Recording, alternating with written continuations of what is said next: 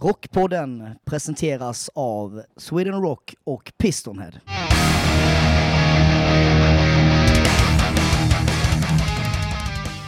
Ja, visst gör den det och det är jag väldigt glad för. Varmt välkommen till ännu ett avsnitt och stort tack för alla glada och trevliga tillrop efter förra veckans avsnitt. Det var mycket uppskattat. Men idag riktar vi såklart fokus då åt ett nytt håll, nämligen åt Mona Lindgrens håll, eller Demona som hon kallar sig också när hon kör sin sologrej. Vi kommer att reda ut det där i avsnittet. Mona är väl mest känd och syns oftast bakom basen i Thundermother. Mona har inte varit med sådär otroligt länge i bandet men har ju hunnit med mer än de flesta under den tid hon har varit med. Otroligt spännande att höra om det och om resten av alla Monas fantastiska musikaliska utsvävningar. Det är kul när folk är mer än en och samma sak, alltid tycker jag. Alldeles strax kommer ni förstå vad jag menar. Du lyssnar på Rockpodden. Mona Lindgren är veckans gäst. Jag heter Henke Branneryd och jag önskar dig en god lyssning. Alltså varje lördag, om jag inte är ute och giggar, så är jag alltid på karaoken i Svanen. Alltid. Jag hatar ju så här Stureplansställen och sånt där man måste vara fancy pansy. Så att jag, jag och Emelinda och Petra, mina kompisar, eh, vi, är, vi är alltid på Svanen och det brukar alltid vara massa mer av våra polare som drar Men är det där och partar eller håller ni karaoken? Nej, vi är där och partar. Ja, och sjunger. Ja, All time high-låt på karaoke. Alltså, jag gillar att sjunga massa olika, men igår så var vår kompis, han kallas för farfar, för att han är, han är jättegammal. Mm. Eh, han, han är en sån här gammal finsk eh, man som, eh, han fyllde 91 igår. Shit. Och hans förra födelsedag firar han också på Svanen. Ja. Och han har alltid så kavaj och slips och är så jättefin. Eh, och sitter alltid och dricker whisky. Och han älskar ju när jag sjunger jazz. Så att jag sjöng eh, Teach Me Tonight för honom igår. Snyggt. Ja, så han, han stod vid baren och hade precis beställt whisky och det var min tur att sjunga. Så såg han och där bara, så stod jag, dit, eh, jag drog dit och stod med honom och eh, sjöng den och eh, valsade lite sådär när det var mellanspel. Och, ja, det var jättefint, han blev så himla glad, han började gråta. Underbart ju. Ja, bra gjort. Han, han älskar ju sån gammal jazz, det är klart att jag vill sjunga det för honom. det är klart, nu kommer en katt här kommer också. katten också. Men du Mona Lindgren, varmt välkommen till Rockpodden. Tack så mycket. Fan vad trevligt att få komma hem till dig. Ja, Riktigt välkommen. musikerhem. Ja, Nästan som en replokal i lägenheten. ja, Fast stärkare och cymbaler, trummor och stativ och gitarrer och basar överallt. Ja. Ja. Jag eh, hade en replokal förut, men jag var tvungen att flytta ut det. Så att nu står trumsetet här i hörnet. Men det är ändå bra att ha trumset. Jag brukar rigga upp det ibland när- vi ska spela in eh, JL Trio. Mm. När det blir jazz. Du spelar Så in det här jag. hemma då? Ja, ja, det gör jag. Och det säger grannarna om. Ehm, jag tänker att jag, jag brukar inte ha fest så ofta, Nej. vilket alla andra har. Och eh, jag har också tagit bort eh, ringklockan på min dörr. Och jag har gått ur Facebookgruppen för grannarna. Så att eh, jag har inte märkt eh, några klagomål. Och jag brukar spela in det mitt på dagen också. Ja, Och jazz, det är, alltså man duttar ju bara. Man ska Ja. ju inte slå. Ehm, och eh, jag är ännu ingen... Jag, jag har en 10 tums uh, baskagge. Det är den här minsta pukan. Mm, mm. För att i jazz så brukar man ha väldigt små baskaggar. Men det är väldigt litet med tio. Ja, men det är det som är grejen. Mm. Att det här är ju det här är lite... Det är mitt och Emelies jazzband, JL Trio då. Mm. Vi är ju två, men, men alla jazzband heter ju alltid någonting med trio. Så då heter vi ju Johansson Lindgren Trio. Och vi, det är lite som eh, ett Spinal Tap fast för jazz. För vi tycker de här gamla jazzgubbarna är så otroligt roliga. Mm. Men är ni ute och lirar något? Eller är det här bara ett... När vi är ute, vi, vi, Skämt. vi har lirat massa när vi har varit ute på turné med Thundermother. Mm. Så att när vi, när vi har riktigt mycket ångest på turné, till exempel som när, när eh, eh, bussen gick sönder i USA, då, då är det bara, ja men då drar man på sig skjortan och slipsen och kavajen och, och så, så vattenkammar vi sidbenen. Sen när det, så kör vi liksom, går in i rollerna som JL Trio den dagen. Och då blir det ju att JL Trio skulle åkt på en festival i New Orleans och bussen har gått sönder för att deras hemska manager har ju tagit alla reparationspengarna till liksom, horor och stripper. Eh, så att då, då hamnar ju alltid JL Trio i kläm då. Ja. Och då får vi istället gigga eh, i den här bilverkstan. Så att då, då körde vi faktiskt ett gig eh, på parkeringen utanför den här verkstaden. Ni gjorde det på riktigt? Ja, det gjorde vi. vi. Vår turnéledare Justin var ju med på det. Så han, han är också en karaktär då i, eh, i filmen. Eh, Det finns på vår Instagram om man vill se faktiskt. Så eh, vi riggade upp.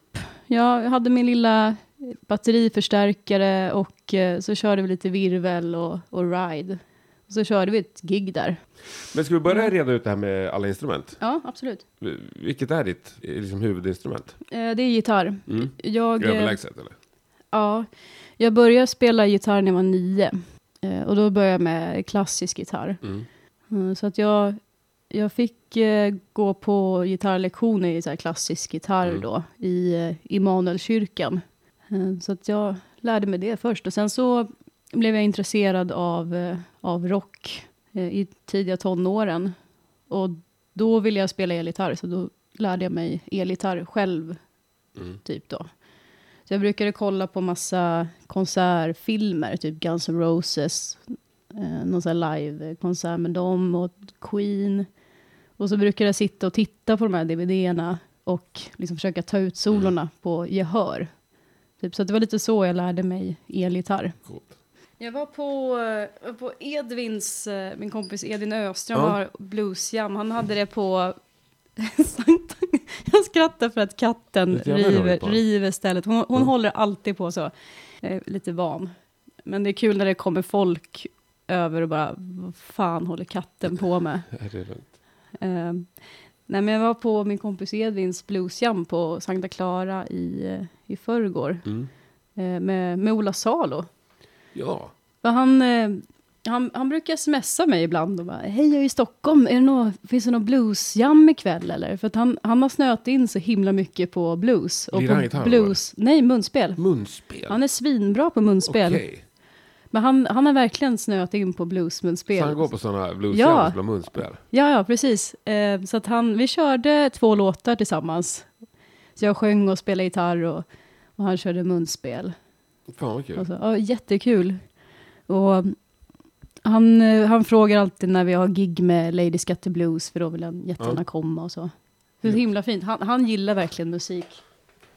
Ja, han är ju otroligt. Han gillar all musik. Ja, kul. Men du har ju lirat massa med Ola Salo. Ja, det har jag. Ja. Men inget längre?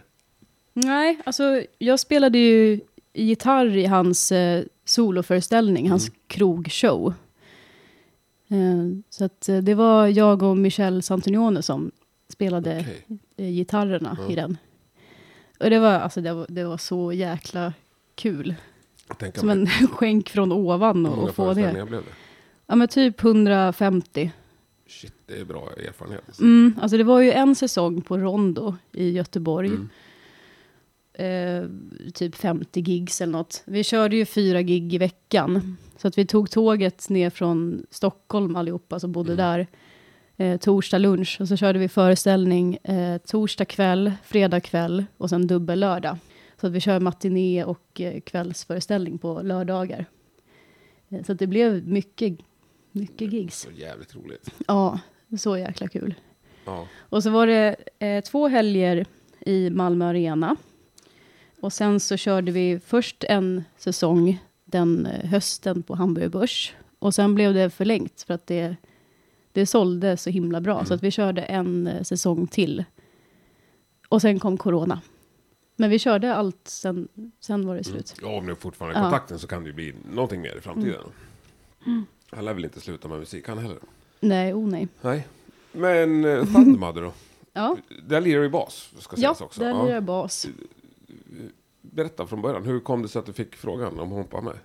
Jo, men de, eh, de behövde en, en vikarie på bas Mm. väldigt sådär omgående. Hur omgående från det att du fick samtalet? Alltså det var typ, det var ju typ två veckor. Eller något sånt. Mm. För de, eh, de hade Elin Blom, tror jag heter. Felin? Felin, precis. Hon, hon var med eh, på ett gig när de körde på Olympia arenan. De, de gjorde någon livestream därifrån. Eh, Så att då var hon med och vickade. ehm, Men sen så, eh, Emily hade ju frågat mig också, för att vi har ju lirat i massa band innan. Så att vi känner varandra väldigt väl. Eh, Hon, hon frågade om jag inte kunde tänka mig att lära mig spela bas. Ehm, Så att jag, jag gjorde ett försök. Och sen Ägde du den så, som bas? Nej, det gjorde jag inte. Nej. Jag, jag lånade min, min kompis eh, Emelindas eh, JOD-bas. Mm. Med en stränghöjd från helvetet. Ja. Men, eh, eh, men jag, jag lånade ändå den och eh, lärde mig eh, Road is ours. Bara spela in en video och skicka till dem. Mm. Typ att det här, det här är det bästa jag kan åstadkomma just nu. Mm. Så. Eh, men jag är liksom villig att verkligen lägga ner tiden och lära mig ifall ni skulle behöva mig. Mm. Och det vill de. Ja, alltså vi, vi testade att repa Mm. och det kändes jättebra. Um, alltså det låter ju som att eh, det gick så himla lätt, men jag la ju ner skitmycket tid. Jag, jag vet ju hur det är att lära sig något nytt. Jag har ju pluggat i massa år också. Att om, om du ska lära dig ett ämne, en helt ny sak, då, då måste du lägga tiden. Så att, eh, jag kanske la en så här tio timmar per dag och öva på olika sätt. Eh, Jag, satt, jag brukar sitta mycket och spela in mig när jag övar. Att jag kör en låt och jag spelar in basen och min, min sång samtidigt. Eh, för jag körar också. Mm. Och då, då hör man direkt bara, det här partiet låter verkligen för jävligt. Och då kan, man, då kan man plocka de lågt hängande frukterna då. Det här, det här låter för jävligt, nu jobbar jag bara på det. Och sen så kör man igen och det blir ju så mycket bättre väldigt snabbt då. Om man verkligen fokuserar på det värsta. Men liksom, lärde du dig bara Thunder Mother-låtar på bas? Eller liksom, Ja, i början. ja. Så det var ju ändå att lära sig en eh, en och en halv timme setlist. Så att Ja. jag hade inte så mycket tid att och lira massa annat. Nej, det fattar jag men sen så verkligen. satt jag ju lite och bara, ja men nu vill jag göra något annat, Ja. något lite skoj sådär. Så då satt jag lite med så D'Angelo-låtar, för jag Mm. tycker det, det är typ den roligaste basen. Mm, jävligt Alltså bra. Pino Palladino, bara bob, bob, Mm. bob, bob. Han är ju grym. Ja, Han spelar också med vad han, John... Meyer. Ja, Mm. Var det inte att han, han ville inte spela egentligen? Så att han, han sa väl att eh, han skulle ha något helt orimligt gage då. Så fick han det ändå. okej. Okay, det har jag missat. Jag är inte så inne på det. Nej. Men, ehm, men sen när vi är på turnéer så, jag har ju jobbat på basen eh, kontinuerligt. För att jag är inte basist, jag måste bli bättre. Mm. Så att det finns ingen tid att spilla, så då har jag ju suttit väldigt mycket på turnéerna. Då har jag tagit med dator och ljudkort och bara fortsatt öva på massa Mm. saker. Så då har jag suttit och spelat Motown-grejer, för att det brukar vara svår och rolig bas på det. Mm. Och svinbra liksom, grund, tänker jag. Ja, men exakt. Och vår back... var någon med backline. Nej, Nej. Det, det känns Det måste fel. vara det svåraste då, Nej, jag. det var lättare för mig att spela med... Det gick mycket bättre att spela Asså? med fingrarna. Ja. Jag vet inte om det är för att jag kört massa flamenco innan, men det, det kändes naturligare. Det lät mycket bättre och det var, blev tight. Vad var det svåraste med att lära sig lira bas efter massor av år som gitarrist? Mm, det är väl att inte spela som en gitarrist. Mm. Men det gör jag väl antagligen fortfarande. Men eh, vi har i alla fall försökt tänka på det hela tiden, att inte, att inte hålla på som en gitarrist. Liksom. Nu, man spelar ju bas, Mm. det är ett annat instrument. Och, har du fått någon feedback? Liksom? Vad säger Filippa som spelar gitarr? Ja, men Filippa har varit väldigt nöjd. Mm. Mm, men t- för henne är det viktigt att det ska vara, att det ska vara väldigt enkelt. Ja, det ska vara bas liksom. Ja, egentligen så skulle hon skulle nog helst vilja ha att det bara är eh, tight åttondelar hela tiden. Mm. Så att de, jag, jag gillar att göra lite mer sådana här Black Sabbath-grejer. Mm. Typ. Så att, Hon vill ha mer hon, AC/DC. ja, hon, Ja. Hon, hon vill ha AC/DC. Ja, bara men pop, pop. Men jag spelar ju jag spelar ju AC/DC i de låtarna där det är det som krävs. Ja. Men vi har ju faktiskt inte bara AC/DC-låtar. Vi, vi har ju väldigt mycket som, som inte är så mycket AC/DC Mm. överhuvudtaget. Det kanske är mer, eh, ja men det kanske är mer Iron Maiden, vissa Mm. låtar. också. Men du sa, två veckor från samtalet till första giget. ja, men något, något sånt var det. Hur, vilket, vad var det för gig? Det var en turné i Tyskland. Så första giget var... Fett. Första gigget var eh, eh, Harmoni i Bonn. En, eh, en klubb i Frankrike. Hur kändes det? Det kändes bra. Det, nej men det, det kändes eh, spelmässigt så var jag säker. Eh, och eh, ja, men körmässigt också. Men, eh, men den här eh, koordinationen att, eh, att göra massa balla saker på scen och alltså rocka. Det, Mm. alltså det, är, det är svårt, det är så mycket man ska göra samtidigt. Mm. Så att det, det hade jag inte riktigt då, men var också väldigt medveten om det. Så Mm. att jag, jag var väl snarare så att nu ska jag spela så, så bra som möjligt. Så att jag, jag koncentrerade mig mer på det istället för att röja. Mm. För att det tyckte jag var viktigare. Hur ser det ut nu då, de sista gjort? Ja, Men nu, nu kan jag göra allt samtidigt. Härligt. Nu kan jag spela tajta åttondelar med basen bakom huvudet, så i luften och slängandes och hej och hå. Det är fantastiskt. Ja, vilken jävla... Vilken utvecklingskurva. Ja, men sånt där kommer ju. Ja, men hur många gig har det blivit? Jag vet inte, kanske 100, 140. Det är jävligt mycket på kort tid. Ni har ju kört stenhårt ju. Ja, jag tror att det brukar vara runt sådär 80-90 gig per år. Mm. Och men jag har kört i ett och ett halvt då, så att då blir ja men någonting Mm. sånt. Jag kanske tog i överkant. Men du sa från början att de var ute efter en vikarie. Är du fortfarande vikarie? Eller är du en del av bandet? Nej, jag är del i bandet eh, Mm. sedan något, eh, mer än ett halvår i alla fall. Mm. Så jag, jag, är, jag är medlem precis som alla andra. Mm. Så vi är, vi är en demokrati, vi är ett band. Liksom. Vi, vi, jobbar, vi jobbar lika mycket allihopa. Mm. Och, eh, ehm, jag, kommer ju, jag har jobbat inom eh, så här techbolag och så, för att jag kodar också. Och har pluggat data. Så att jag, ehm, jag har bidragit med att införa lite sådana här strukturerade arbetssätt, typ. Okej, lite... Ja, men att vi Ja. har måndagsmöten och, och kör en, en Trello och Ja. delar upp uppgifterna. Man uppskattar lite hur lång tid någonting kommer ta. Mm. Och så kan vi dela upp det så att alla har sina grejer. Man kan jobba på en veckan och det blir ganska jämnt fördelat också. För att vi har ju ingen manager, så att vi gör ju allt Mm. själva. Som en manager gör. Ja. ja, det är bra. Och julen snurrar ju jävligt fort för er. Liksom. Mm. Gör stora grejer. Mm. Alltså du sa turnén, hur många gig var det med Scorpions? Alltså det var ju inte så många, det var ju många dagar emellan. Det var ju 20, vad var det, 21 eller 23 gig med Scorpions. Och sen hade vi tre stycken egna headline-gigs. Där det var, vi giggade i någon källare för 15 pers i Cleveland. Liksom. Bra antiklimax. så. Ja, men vi tackar, ja, vi tackar ja till Cleveland bara för att kunna gå runt och skrika Hello Cleveland! Ja. Vilket vi också gjorde Ja. he, ett helt dygn. Jag undrar om ni var det första rockbandet som gjorde det Nej, jag, eller jo, jag, jag tror att vi är väldigt sådär unika i Mm. vad vi skämtar om. Och vi, vi är väldigt sådär um, smak, smakfulla. Ja.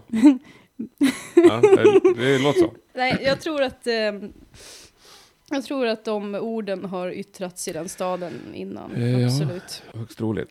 Eh, ja, men hur var det då? Ändå, alltså, arenaturné med Scorpions. Jag tänker det är en ganska hög nivå Ja, i rockvärlden. Liksom.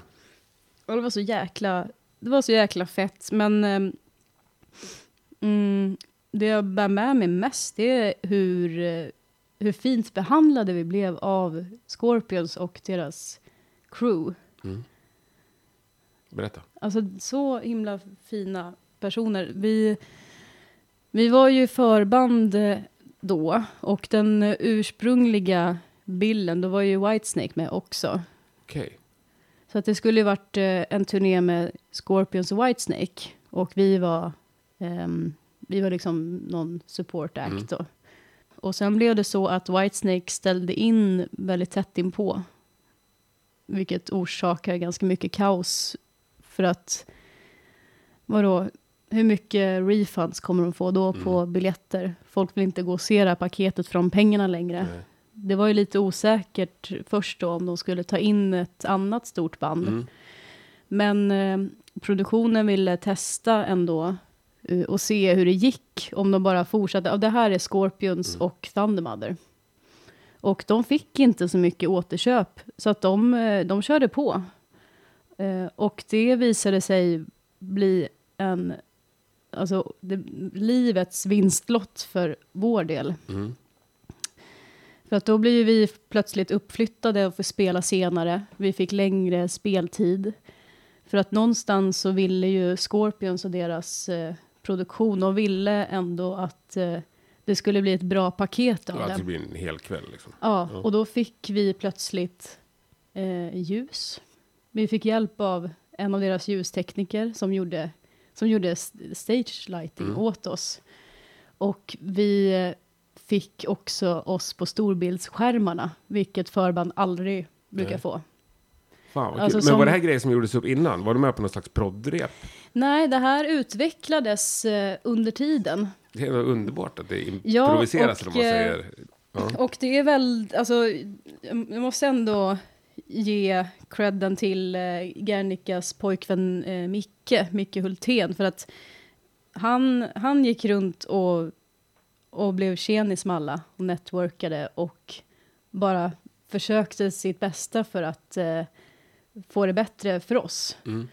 Eh, så att ehm, det är nog mycket tack vare han att han, eh, han lyckades eh, få Scorpions och deras produktion att gå med på att vi kunde få storbildsskärmar. Fan, och kul. eh, ljus. Hade så ni någon det- mer crew med er? Vi hade en bara. Ja.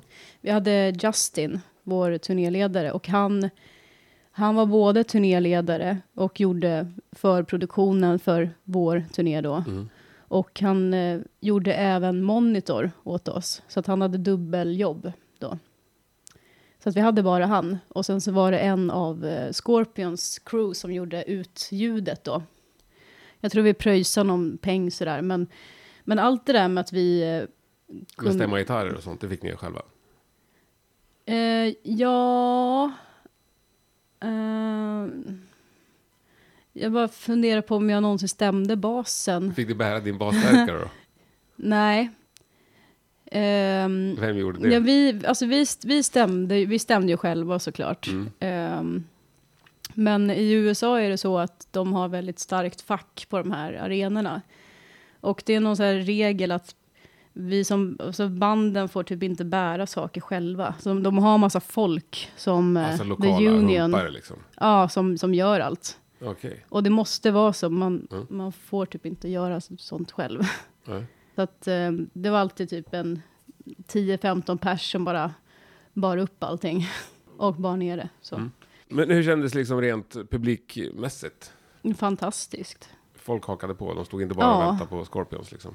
Nej, alltså det var ju lite att de var lite reserverade i de första låtarna, men alltid efter den sista låten när vi tackade av oss så, jag brukar alltid ta ut in eret och det var så jäkla starkt hur de skrek. Alltså det Ja. var sjukt. Vi blev verkligen fantastiskt mottagna där. Fan vad kul. Ja.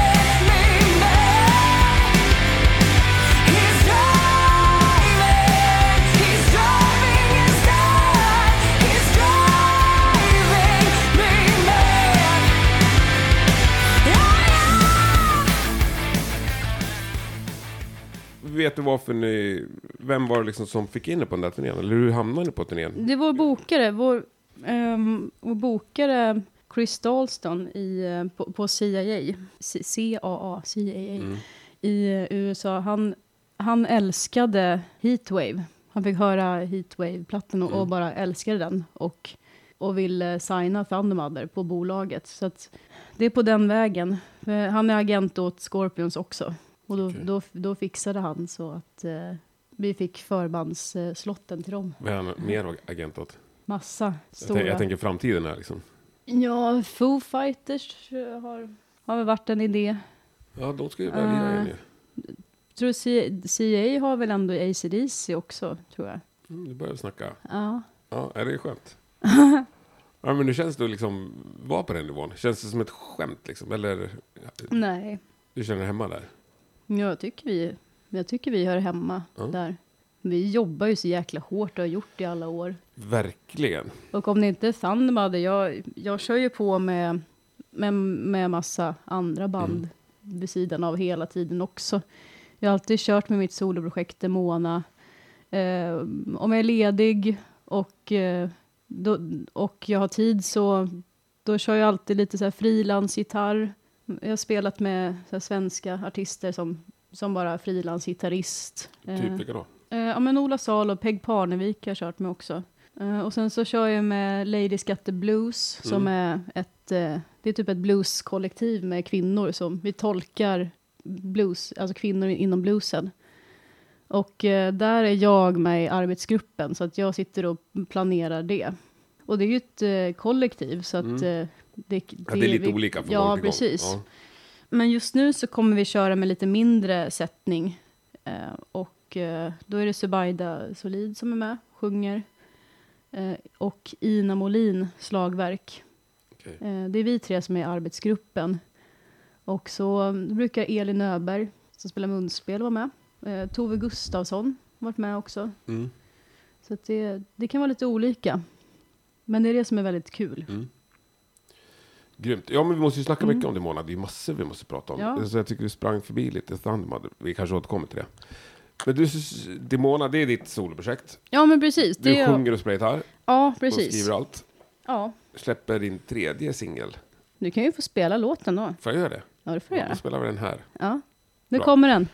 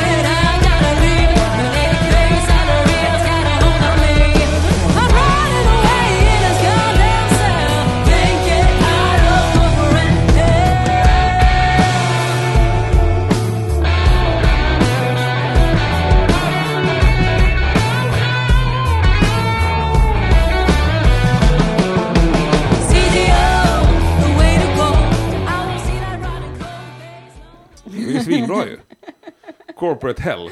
Ja, precis. Det som du själv inför i Thundermother. Exakt. Ja, Den här, det här hel, helvetet med agile eh, program, alltså det, det här Det var någon förban, med... förbannade scrum. Vad var det för Ja. mening någon- med någon projektledare som är sänd till jorden för att förstöra mitt liv, typ? Ja, det här är en låt, eh, jag, jag fick ju lite idén sådär när jag, när jag själv var, jobbade sommarjobb på Spotify. Och vilket techbolag som helst egentligen, att eh, man sitter där och man tjänar så jäkla mycket pengar. Så man kan inte sluta. För att man tjänar för jävla mycket pengar. Men man sitter och bara Du menar hatar. du företaget eller menar du dig som person? Nej, men om man jobbar, om man jobbar som programmerare på något Ja. sånt där stort företag. Ja. med här enorm eh, trögdriven organisation. Man sitter där på de här förbannade scrum-mötena och ska hålla på med retro, retrospective och cardsmithing och eh, sprint.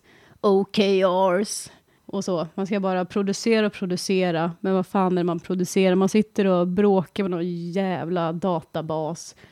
Jag vet inte, de kanske ska de kanske ska koda om backen till någon jävla Django. Alltså man, man vet inte. Det, Det är det är bara, bara ett jag jävla säger just nu. helvete. Men, ja. Men du körde bara ett sommarjobb på Spotify. Ja. Och du ville inte vara kvar så att säga. Låter det som. Jo, absolut. Men alltså det, det här är bara generellt eh, ett, ett roligt tema som jag tänkte på. Nej, men att man, man tjänar alldeles för mycket och hatar sitt jobb, men man kan inte sluta. Man tjänar för mycket. Mm. Man bara sitter och genomlider de här förbannade sprintarna. Ja, det låter ju jävligt deppigt alltså. Men hur var Spotify som arbetsplats? Kan du Det, det svara var snabbt kul, på det? alltså det var, det var svinkul, men, eh, men jag, jag känner att jag inte kan jobba heltid med, med att koda. Jag har ju pluggat, eh, jag har ju pluggat eh, datateknik på KTH, så att jag har jobbat på lite olika ställen. Men det här kontorsjobbet 9 till 5 och jobba heltid Mm. med programmering fixar inte jag alltså. Jag Men- kan jobba halvtid, kan jag göra. Ja, det är lagom. Men Ja. Gillade folk som jobbar hos Spotify musik mer än Nej, folk i allmänhet? Nej. nej, det gör de inte. De gillar datorer och koder.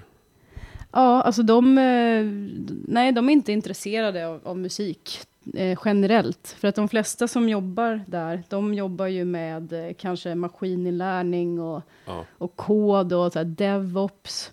De sitter och optimerar hur mycket datakraft de ska köpa från Google så att det ska bli så billigt som möjligt. Alltså det, det är inte så mycket som handlar om musik. Är det ganska få som jobbar med musik? Ja, det är det. Ja. Men de som gör det gillar ju musik såklart. Mm. Men, eh, men genomsnittspersonen som jobbar på Spotify är nog inte så intresserade. Det märktes ju på deras eh, eh, festkvällar när de hade band på kontoret. Berätta. Ehm, det var mest att folk stod och trängdes i baren. Det är ju alltid fri bar där. Eh, så då, när det var sådana här livekvällar så kunde man se att det var liksom helt packat. Folk stod som sillar där i baren. Och det är liksom helt tomt framför scenen där det står någon uppträder. V- Vad för typ av artister som uppträdde? Jag fick höra en historia att Miriam Bryant hade varit där Ja. och eh, typ skällt ut folk för att vad fan gör jag här när ni Mm. inte är intresserade? Typ. Jag giggar där också. Ja, jag kan fatta, som Ehm. artist låter ju fett så här, du ska spela på Spotifys personalfest. Ja, Så det är ingen som bryr sig. Ja, det skulle jag också bli lite, Ja. missnöjd. Ja. men jag giggar där också. Okej. Eh, och det var lite deppigt, för det var, det var ganska tomt där framför scenen. Men eh, så byggnaden är så att man kan se över till, eh, till baren genom fönstren. För att det är byggt som ett H, Ja. byggnaden. Så, så stod jag där på scenen och bara kollade på baren när de stod som sillar och drack gratis bärs. Bara, så var det tomt framför. Bara, Fy ja. fan. Jag, jag, jag tycker alltid, nu håller jag också, vi håller på att bygga en liten rockklubb för privata fester, men det här har jag alltid tänkt på, att man ska alltid kunna se bandet från baren.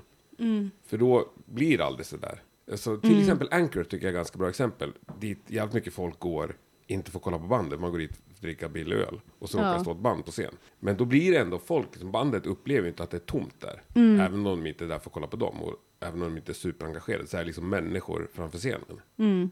Det gillar jag. Då blir det inte så synd om bandet. Det är fan synd om banden. Ja, Det är synd om mig. det är jättesynd om dig. Jag tycker inte ett dugg synd om dig. Hör ty- du inte? Nej. Hej. Eh, nej, fan, det går väl bättre än de flesta alltså. Ja, det gör det. Jag, Ja. jag är så jäkla glad att det rullar på nu. Men har du en dröm om att kunna skita i kodning helt och bara ägna åt musik? Mm, nej, jag vill ändå göra båda. Mm. Men jag vill, nog inte, jag vill inte göra båda på heltid. Alltså jag vill inte göra det ena på heltid och inte göra det andra alls. Okej. För jag tycker ändå att det blir en bra, det blir en väldigt bra balans för mig att hålla på lite med matte och kod och sånt där teknisk skit. Och sen så resten av tiden eh, så gör jag mina kreativa saker. Mm. Det blir en väldigt bra balans. Jag gillar den. Kul. Men åter till Demona, det missade vi det där. Eh, hur seriöst är det så att säga? Det är dödsseriöst. Har du ett fast band? Eh, ja, men det har varit att jag får ha någon annan på trummor ibland, någon annan på bas ibland. Ja. Men eh, Sjukt bra basliv måste jag säga. ja, det är vi Gust-. Gustav Hjelm som... Eh, Så jävla snyggt. Vi, eh, den här nya låten då, Corporate Hell, den spelar vi in hos eh, Erik Petersson i eh, hans studio Mälarhöjden. Mm. Och vi, eh, vi lirade in den eh, live, alla tre samtidigt. Så att Cool. vi står i samma rum och eh, min Marshall-stärkare är på högsta volymen. Så att det är så satans jävla starkt.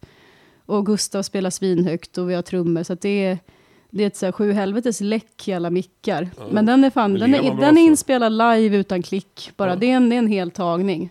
Eh, Jag tror du, man kan höra det för att mitt gitarrspel, jag kanske slinter någonstans och så. Men eh, det är ju så, man kan inte ta om någonting. Det, det går inte att klipp, Nej. klippa heller. Nej. Utan det får bli det det blir. Och eh, Marku, och, som spelar trummor då, Marku Reinkainen och Gustav Hjelm gjort ett så fantastiskt jobb. Alltså tänk, det här är ju en tagning Mm. och eh, lyssna på vad de levererar. De är liksom fantastiska musiker. Mm. Verkligen. Det är häftigt. Hur bekväm är du att sjunga? Jag är väldigt bekväm med att sjunga, men inte, inte sådär... Alltså jag, jag tycker fortfarande att jag, jag är inte helt nöjd med min sång på den här låten. För jag tycker jag har så himla snäll röst. Så jag, jag tycker ju att eh, det låter mycket bättre när jag lyssnar på instrumentalen av den här, du vet. För jag har inte det där riviga, men, men jag känner ändå så här, skitsamma, jag sjunger fan som jag sjunger. Men det hade varit coolt att kunna sjunga med sån rasp, typ som eh, Gernika Mancini har. Hon är så Mm. fantastisk sångerska. Bäst. Ja, hon, är hon är fan bäst. Hon är fan bäst. Den Så det hade man ju, alltså, jag tycker ändå att eh, sången är, är det svagaste på, på den låten. Jag vet att andra inte tycker det, Nej. men, eh, Jag tycker du sjunger men jag... Ja, men, jag är finns- nöjd med gitarrspelet. Finns det några sammanhang där du bara sjunger? Ja, eh, jag har... Förutom på karaoken? Jo, men jag har haft lite olika sångtrios. Så att vi, vi kör typ jazzlåtar och kör trestämmigt. Okej. Eh, och eh, jag, eh, jag kanske ska dra till eh, Stampen ikväll och gästa med, med Organ Hangout. Och Max Schultz? Ja, Ja. så jag, jag gillar att Fan, sjunga jag jazz. följa med. Ja. ja. Och Ja. då sjunger du bara? Ja, Mm. och eh, jag sjöng ju på bluesjammet i fredags också. Som... Nej, men jag älskar att sjunga och eh, jag tycker att jag har... Jag är så nöjd att jag har utvecklat ett bra vibrato. Och det har jag gjort för att jag har gått runt och tramsat saxon backstage, har jag kommit fram till. Saxon alltså? Ja. Ja, han bra vibrato. Ja, och jag Ja. har gått runt och, och så här, tramsat verkligen, skämt eh, sjungit. Du vet det. Heavy thunder.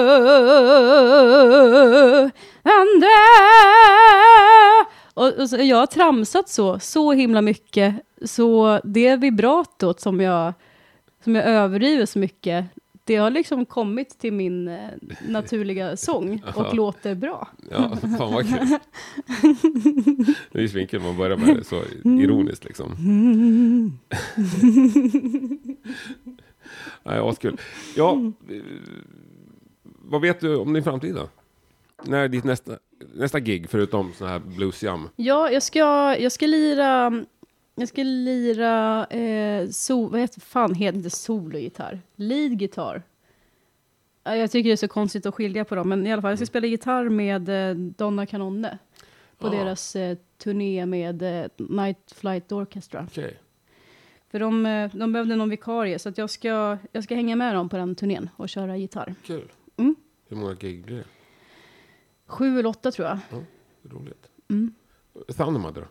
Eh, vi har ju eh, turnén lite senare i vår. Vi har en paus nu så att Mm. vi vilar upp oss efter eh, USA-turnén.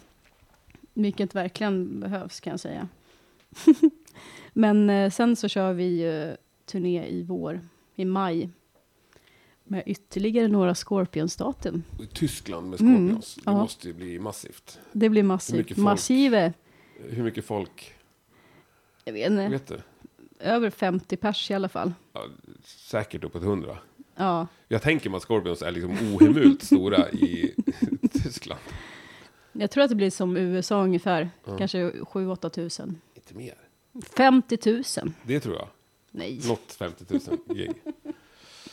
Ja, men eh, nu fattar jag att du inte kan avslöja allt. Men hur mycket frågor och liksom saker finns det i loopen med Thundermother? Det, det kommer lite hela tiden. Och det är ju som du sa, jag blir så himla nervös nu att jag ska råka avslöja någonting som vi inte har, får annonsa än. Nej.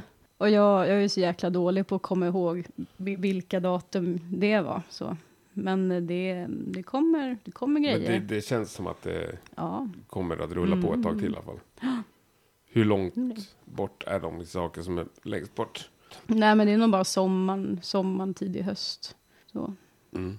Ju hur lite- avgör ni vad ni tackar ja eller nej till?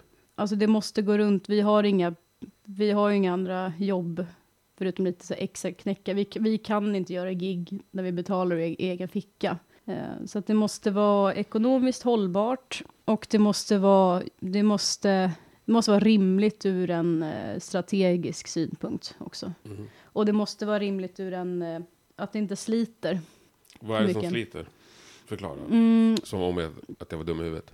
jag kan säga så här, vi hade något gig på en festival i, i Frankrike i somras. Där vi hade, vi hade varit på en turné redan i Tyskland. Och eh, vi, ja, vi tackade ja till den här one-offen i, i Frankrike, vilket skulle innebära att vi, vi skulle fått flyga typ klockan fyra, på, alltså gå upp fyra på morgonen för att eh, komma till det här one-off-gigget. Och sen skulle vi tillbaka till Tyskland och fortsätta turnén. Och det var ju när det var, när det var strejker hos markpersonalen på Lufthansa. Eh, så att dels så eh, var det ju, flyget var ju typ två timmar sent. Och det var här extremt lång resa till den festivalen, för det var ute på landsbygden i Frankrike. Så det var en bilresa på så tre och en halv timme, shuttle från flyget. Vi kom två timmar sent till vår speltid på festivalen på grund av att allt var försenat. Eh, vi fick ingen mat, för fransmännen äter ingen mat. De, alltså, vi, vi hade ju inte ätit sen, sen, dagen, en sen dagen Ja. innan. Så kom vi dit och så, så får man en så här pytte, pyttetallrik med lite couscous och stekta grönsaker. Eh, och eh, så här, vill ni ha vin också? Bara, ja, men vi vill också ha lite mer mat. Och de hade inga snacks heller. Det var, ja, det var, det var tufft. Och sen så körde vi det här gigget och det fanns ingen backstage heller. Det var ett tält, ett stort tält. Eh, och vi frågade, är det här vi byter om eller? Jag Bara, ah, ja. Och då stod man där i underkläder och det bara springer in och ut folk konstant och bara frågar, har ni allt ni behöver? Ja, vi byter om. Förutom Kan, privacy. Ja. ja, kan ni nog sticka nu? Mm. Och fem sekunder senare kommer någon mer in bara, eh, hur vill ni ha inställningarna på stärkarna? Och bara, ut, ut! Eh, det, det var jobbigt Jag att fattar, göra det blir bara massa gigget. strul och stress. Och, Ja, och då är det lika bra att inte göra ett sånt där bösigt one-off-gig som är Mm. jättelångt bort och som bara kommer slita. Men hur mycket festivaler har ni annonsat då? Eh, Sweden Rock? ja, tack. Det har ni annonsat, Ja. det vet jag. Ja. Kan inte du säga det om du vet så slipper jag, Jag, jag, avslöja det. här har jag inte i huvudet. Sweden Rock, eh, Hellfest. Sen kommer... Vänta, jo, vi- jo, vi gjorde ju en uh, announcement-video, en jättefin announcement-video till Skogsröjet. Där vi, vi twerkar framför en julgran och Okej. eh, önskar alla en god eh, Lucia. Fan, och, tror jag missar. eh, Jag brukar se allt ni lägger upp. Men, ja. Nej, den, jag vet inte, du, du behöver nog inte se den. Det är nog bäst att Ja. spara dina näthinnor. ja, men Skogsröjet och så lite mer. Ja. Gillar du festivalgig? Förutom Ja, om det är inte är något, om det inte är i, som det där jag berättade Mm. precis. Mm. Att det, jo men det gör jag, det är kul. Det är, mm, det är fan kul att träffa andra band tycker jag. Och eh, det är kul när de har god mat också. Och eh, det är kul att eh, om vi har tid att se andra band, vilket vi typ aldrig har. För att det brukar alltid vara massa intervjuer och så. Men när man väl har lite tid över och kan gå och kolla på andra band, det är fan... Det är så jäkla nice. Vi, Mm. vi fick se typ en kvart av Judas Priest sist vi var på Vacken. Och det var fan en... det, var, det var fan bästa kvarten. Ja, det är svårslaget. Ja. Vilka är roliga att träffa då? Vilka har du träffat som varit roliga att träffa? Eh, Scorpions. De var faktiskt roliga att träffa. Men på festivaler då? Gud, nu står det still här. Vilka festivaler har vi giggat på? Man har ju träffat massa folk, men jag, ja. Ja, det var inget speciellt sådär som sticker ut. Har du någon som Nej. har... eh, Jo, det är alltid kul att träffa Sabaton. Mm, Vi är polare med Hannes. Han är en toppenkille. han är en toppen Det är kul. Ja. Och ehm, mm, jag kan säga om jag kommer på någon som varit rolig att träffa. Finns det någon som gillar Thundermother som du är stolt över att den gör det? Mm, jag fick höra att, eh, att eh, Biff har hört talas om ett band som heter Thunmother. By far, they're, alltså. they're, aw- they're awesome. Ja, exakt. Ja. Ja. Det är ju grymt ju. Så Att du tar tillbaka hans vibrato också. I, och jag älskar fan Saxon på så många plan. mm. Jag tycker de är, de är skitbra, men det är också roligt. De är ju så himla heavy metal. ja, Eh, med, ja. med deras eh, vokabulär med. Det, det är bara låtar om eh, hammers och thunder och, ja. och ste steel. Det Jag tycker det, det är så Ja, gött. Jag gjorde en fantastisk intervju med han i somras som Ja. jag tror att ingen någonsin kommer få ta del av faktiskt. Mhm, varför det? Nej, det var dåliga omständigheter kan man säga. Råkar du glömma att spela in? Spelar du in det här Nej, eller? för fan. Inget sånt. Alltså, det är, vi spelades in. Det filmades till och med. Eh, ja, ibland, ibland blir inte kemin den rätta. I, Var du inte nöjd med frisyren? jag har inte sett det, så det, kan, Ja. det, det var en, inte heller, men nej, det var, ja.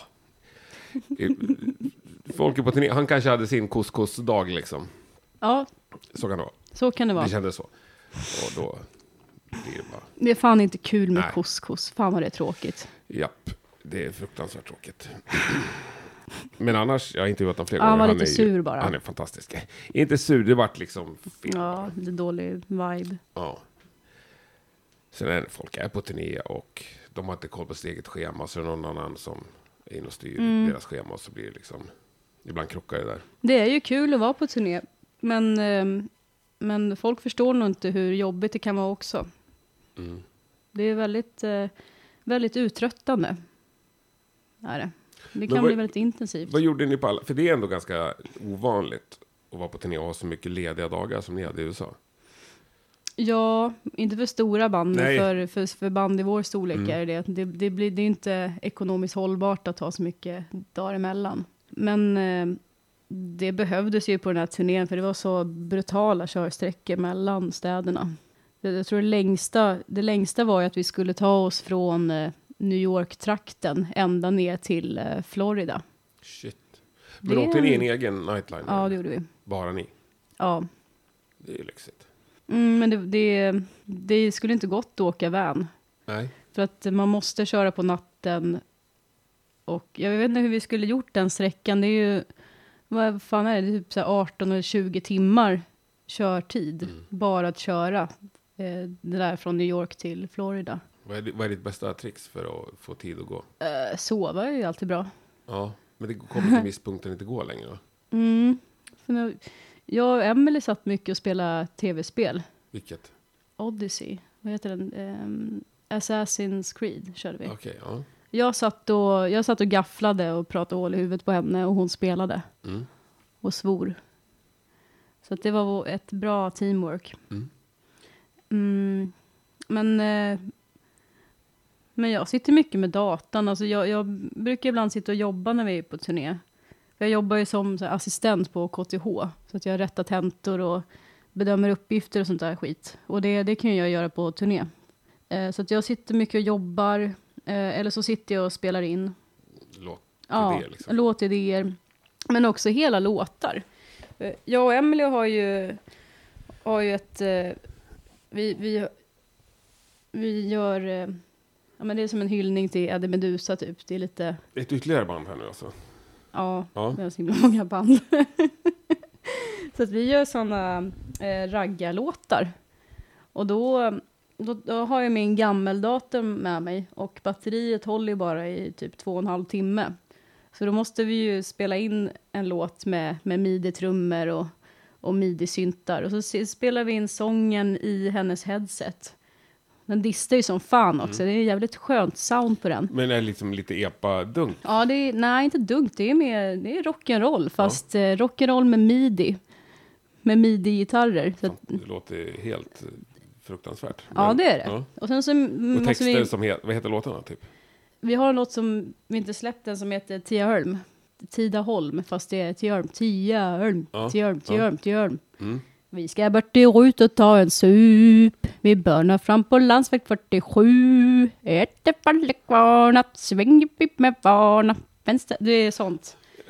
Ja, det, ja. är, det är typ en vägbeskrivning hur man, hur man kör till eh, Men du, Tidaholm. du är inte från- från landet, du är stockholmare? Nej, men min, halva min släkt är från eh, Västergötland. Okej. Så jag har det i, i blodet. Mm. De är från, eh, från Och Grästorp. Emelie är från också någon... Hon är från eh, Vartofta. Ja, det låter lite mer landsbygd. Ja. Min släkt är från eh, Grästorp. Eller lite utanför Grästorp. Vart hittar vi Grästorp?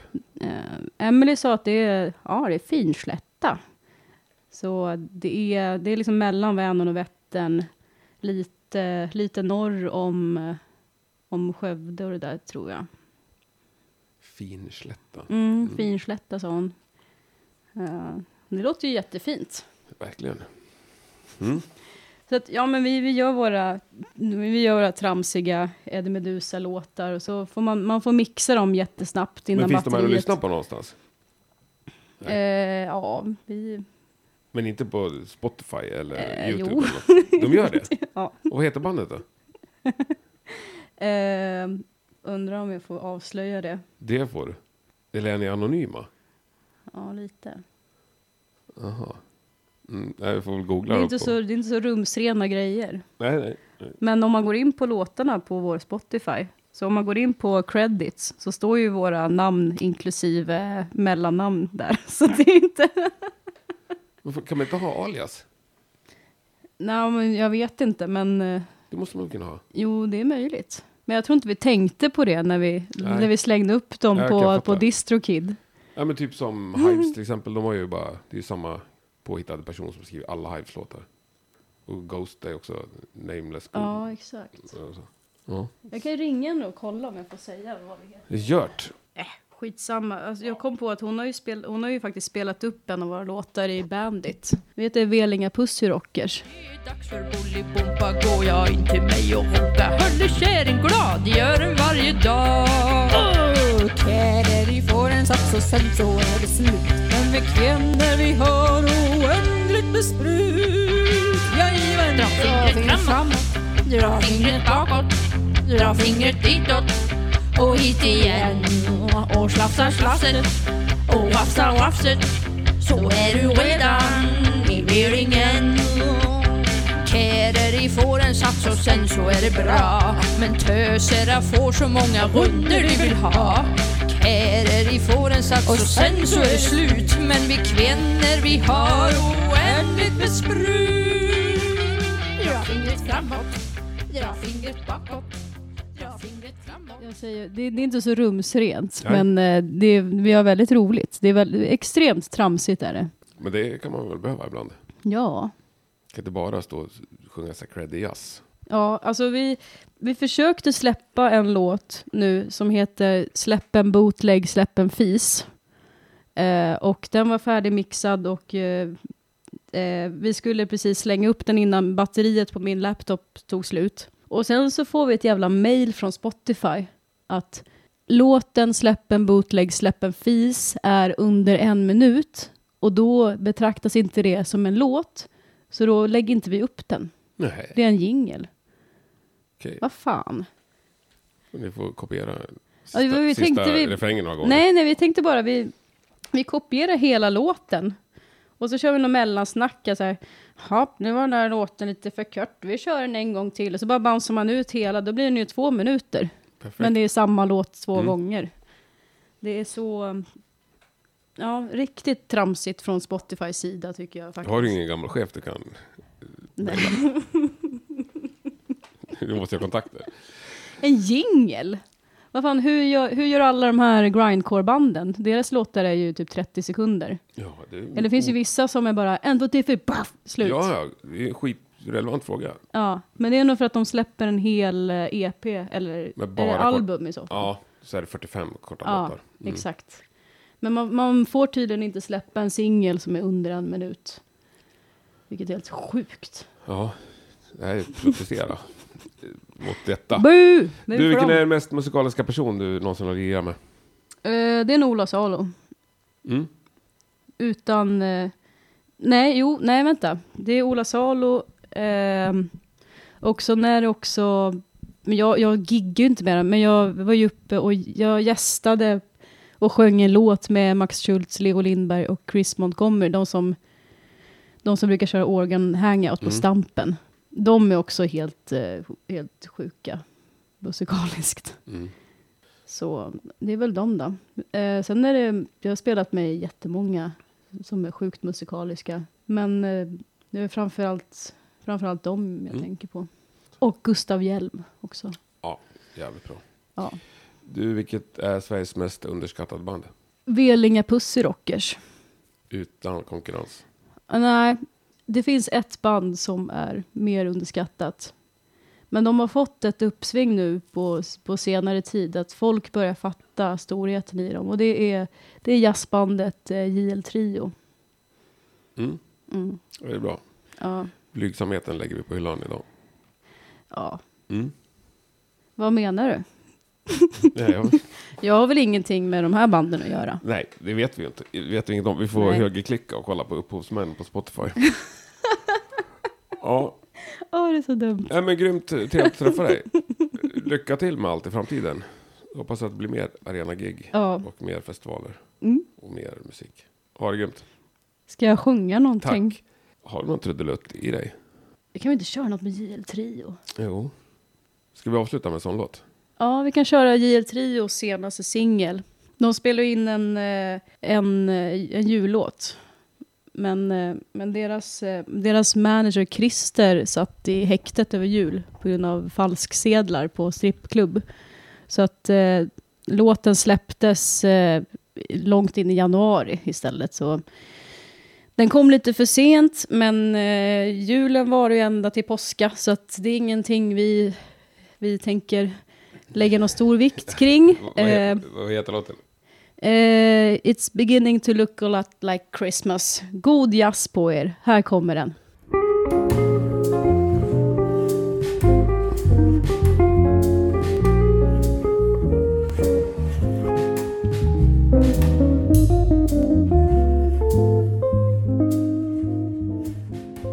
Yes, och medan vi rullar ut till de här fantastiska tonerna så kan vi säga att jag tycker JL Trio gör sig ännu bättre på Youtube. Så leta upp dem på Youtube och eh, kolla in den här videon och eh, deras fantastiska små dokumentärfilmer som ligger där.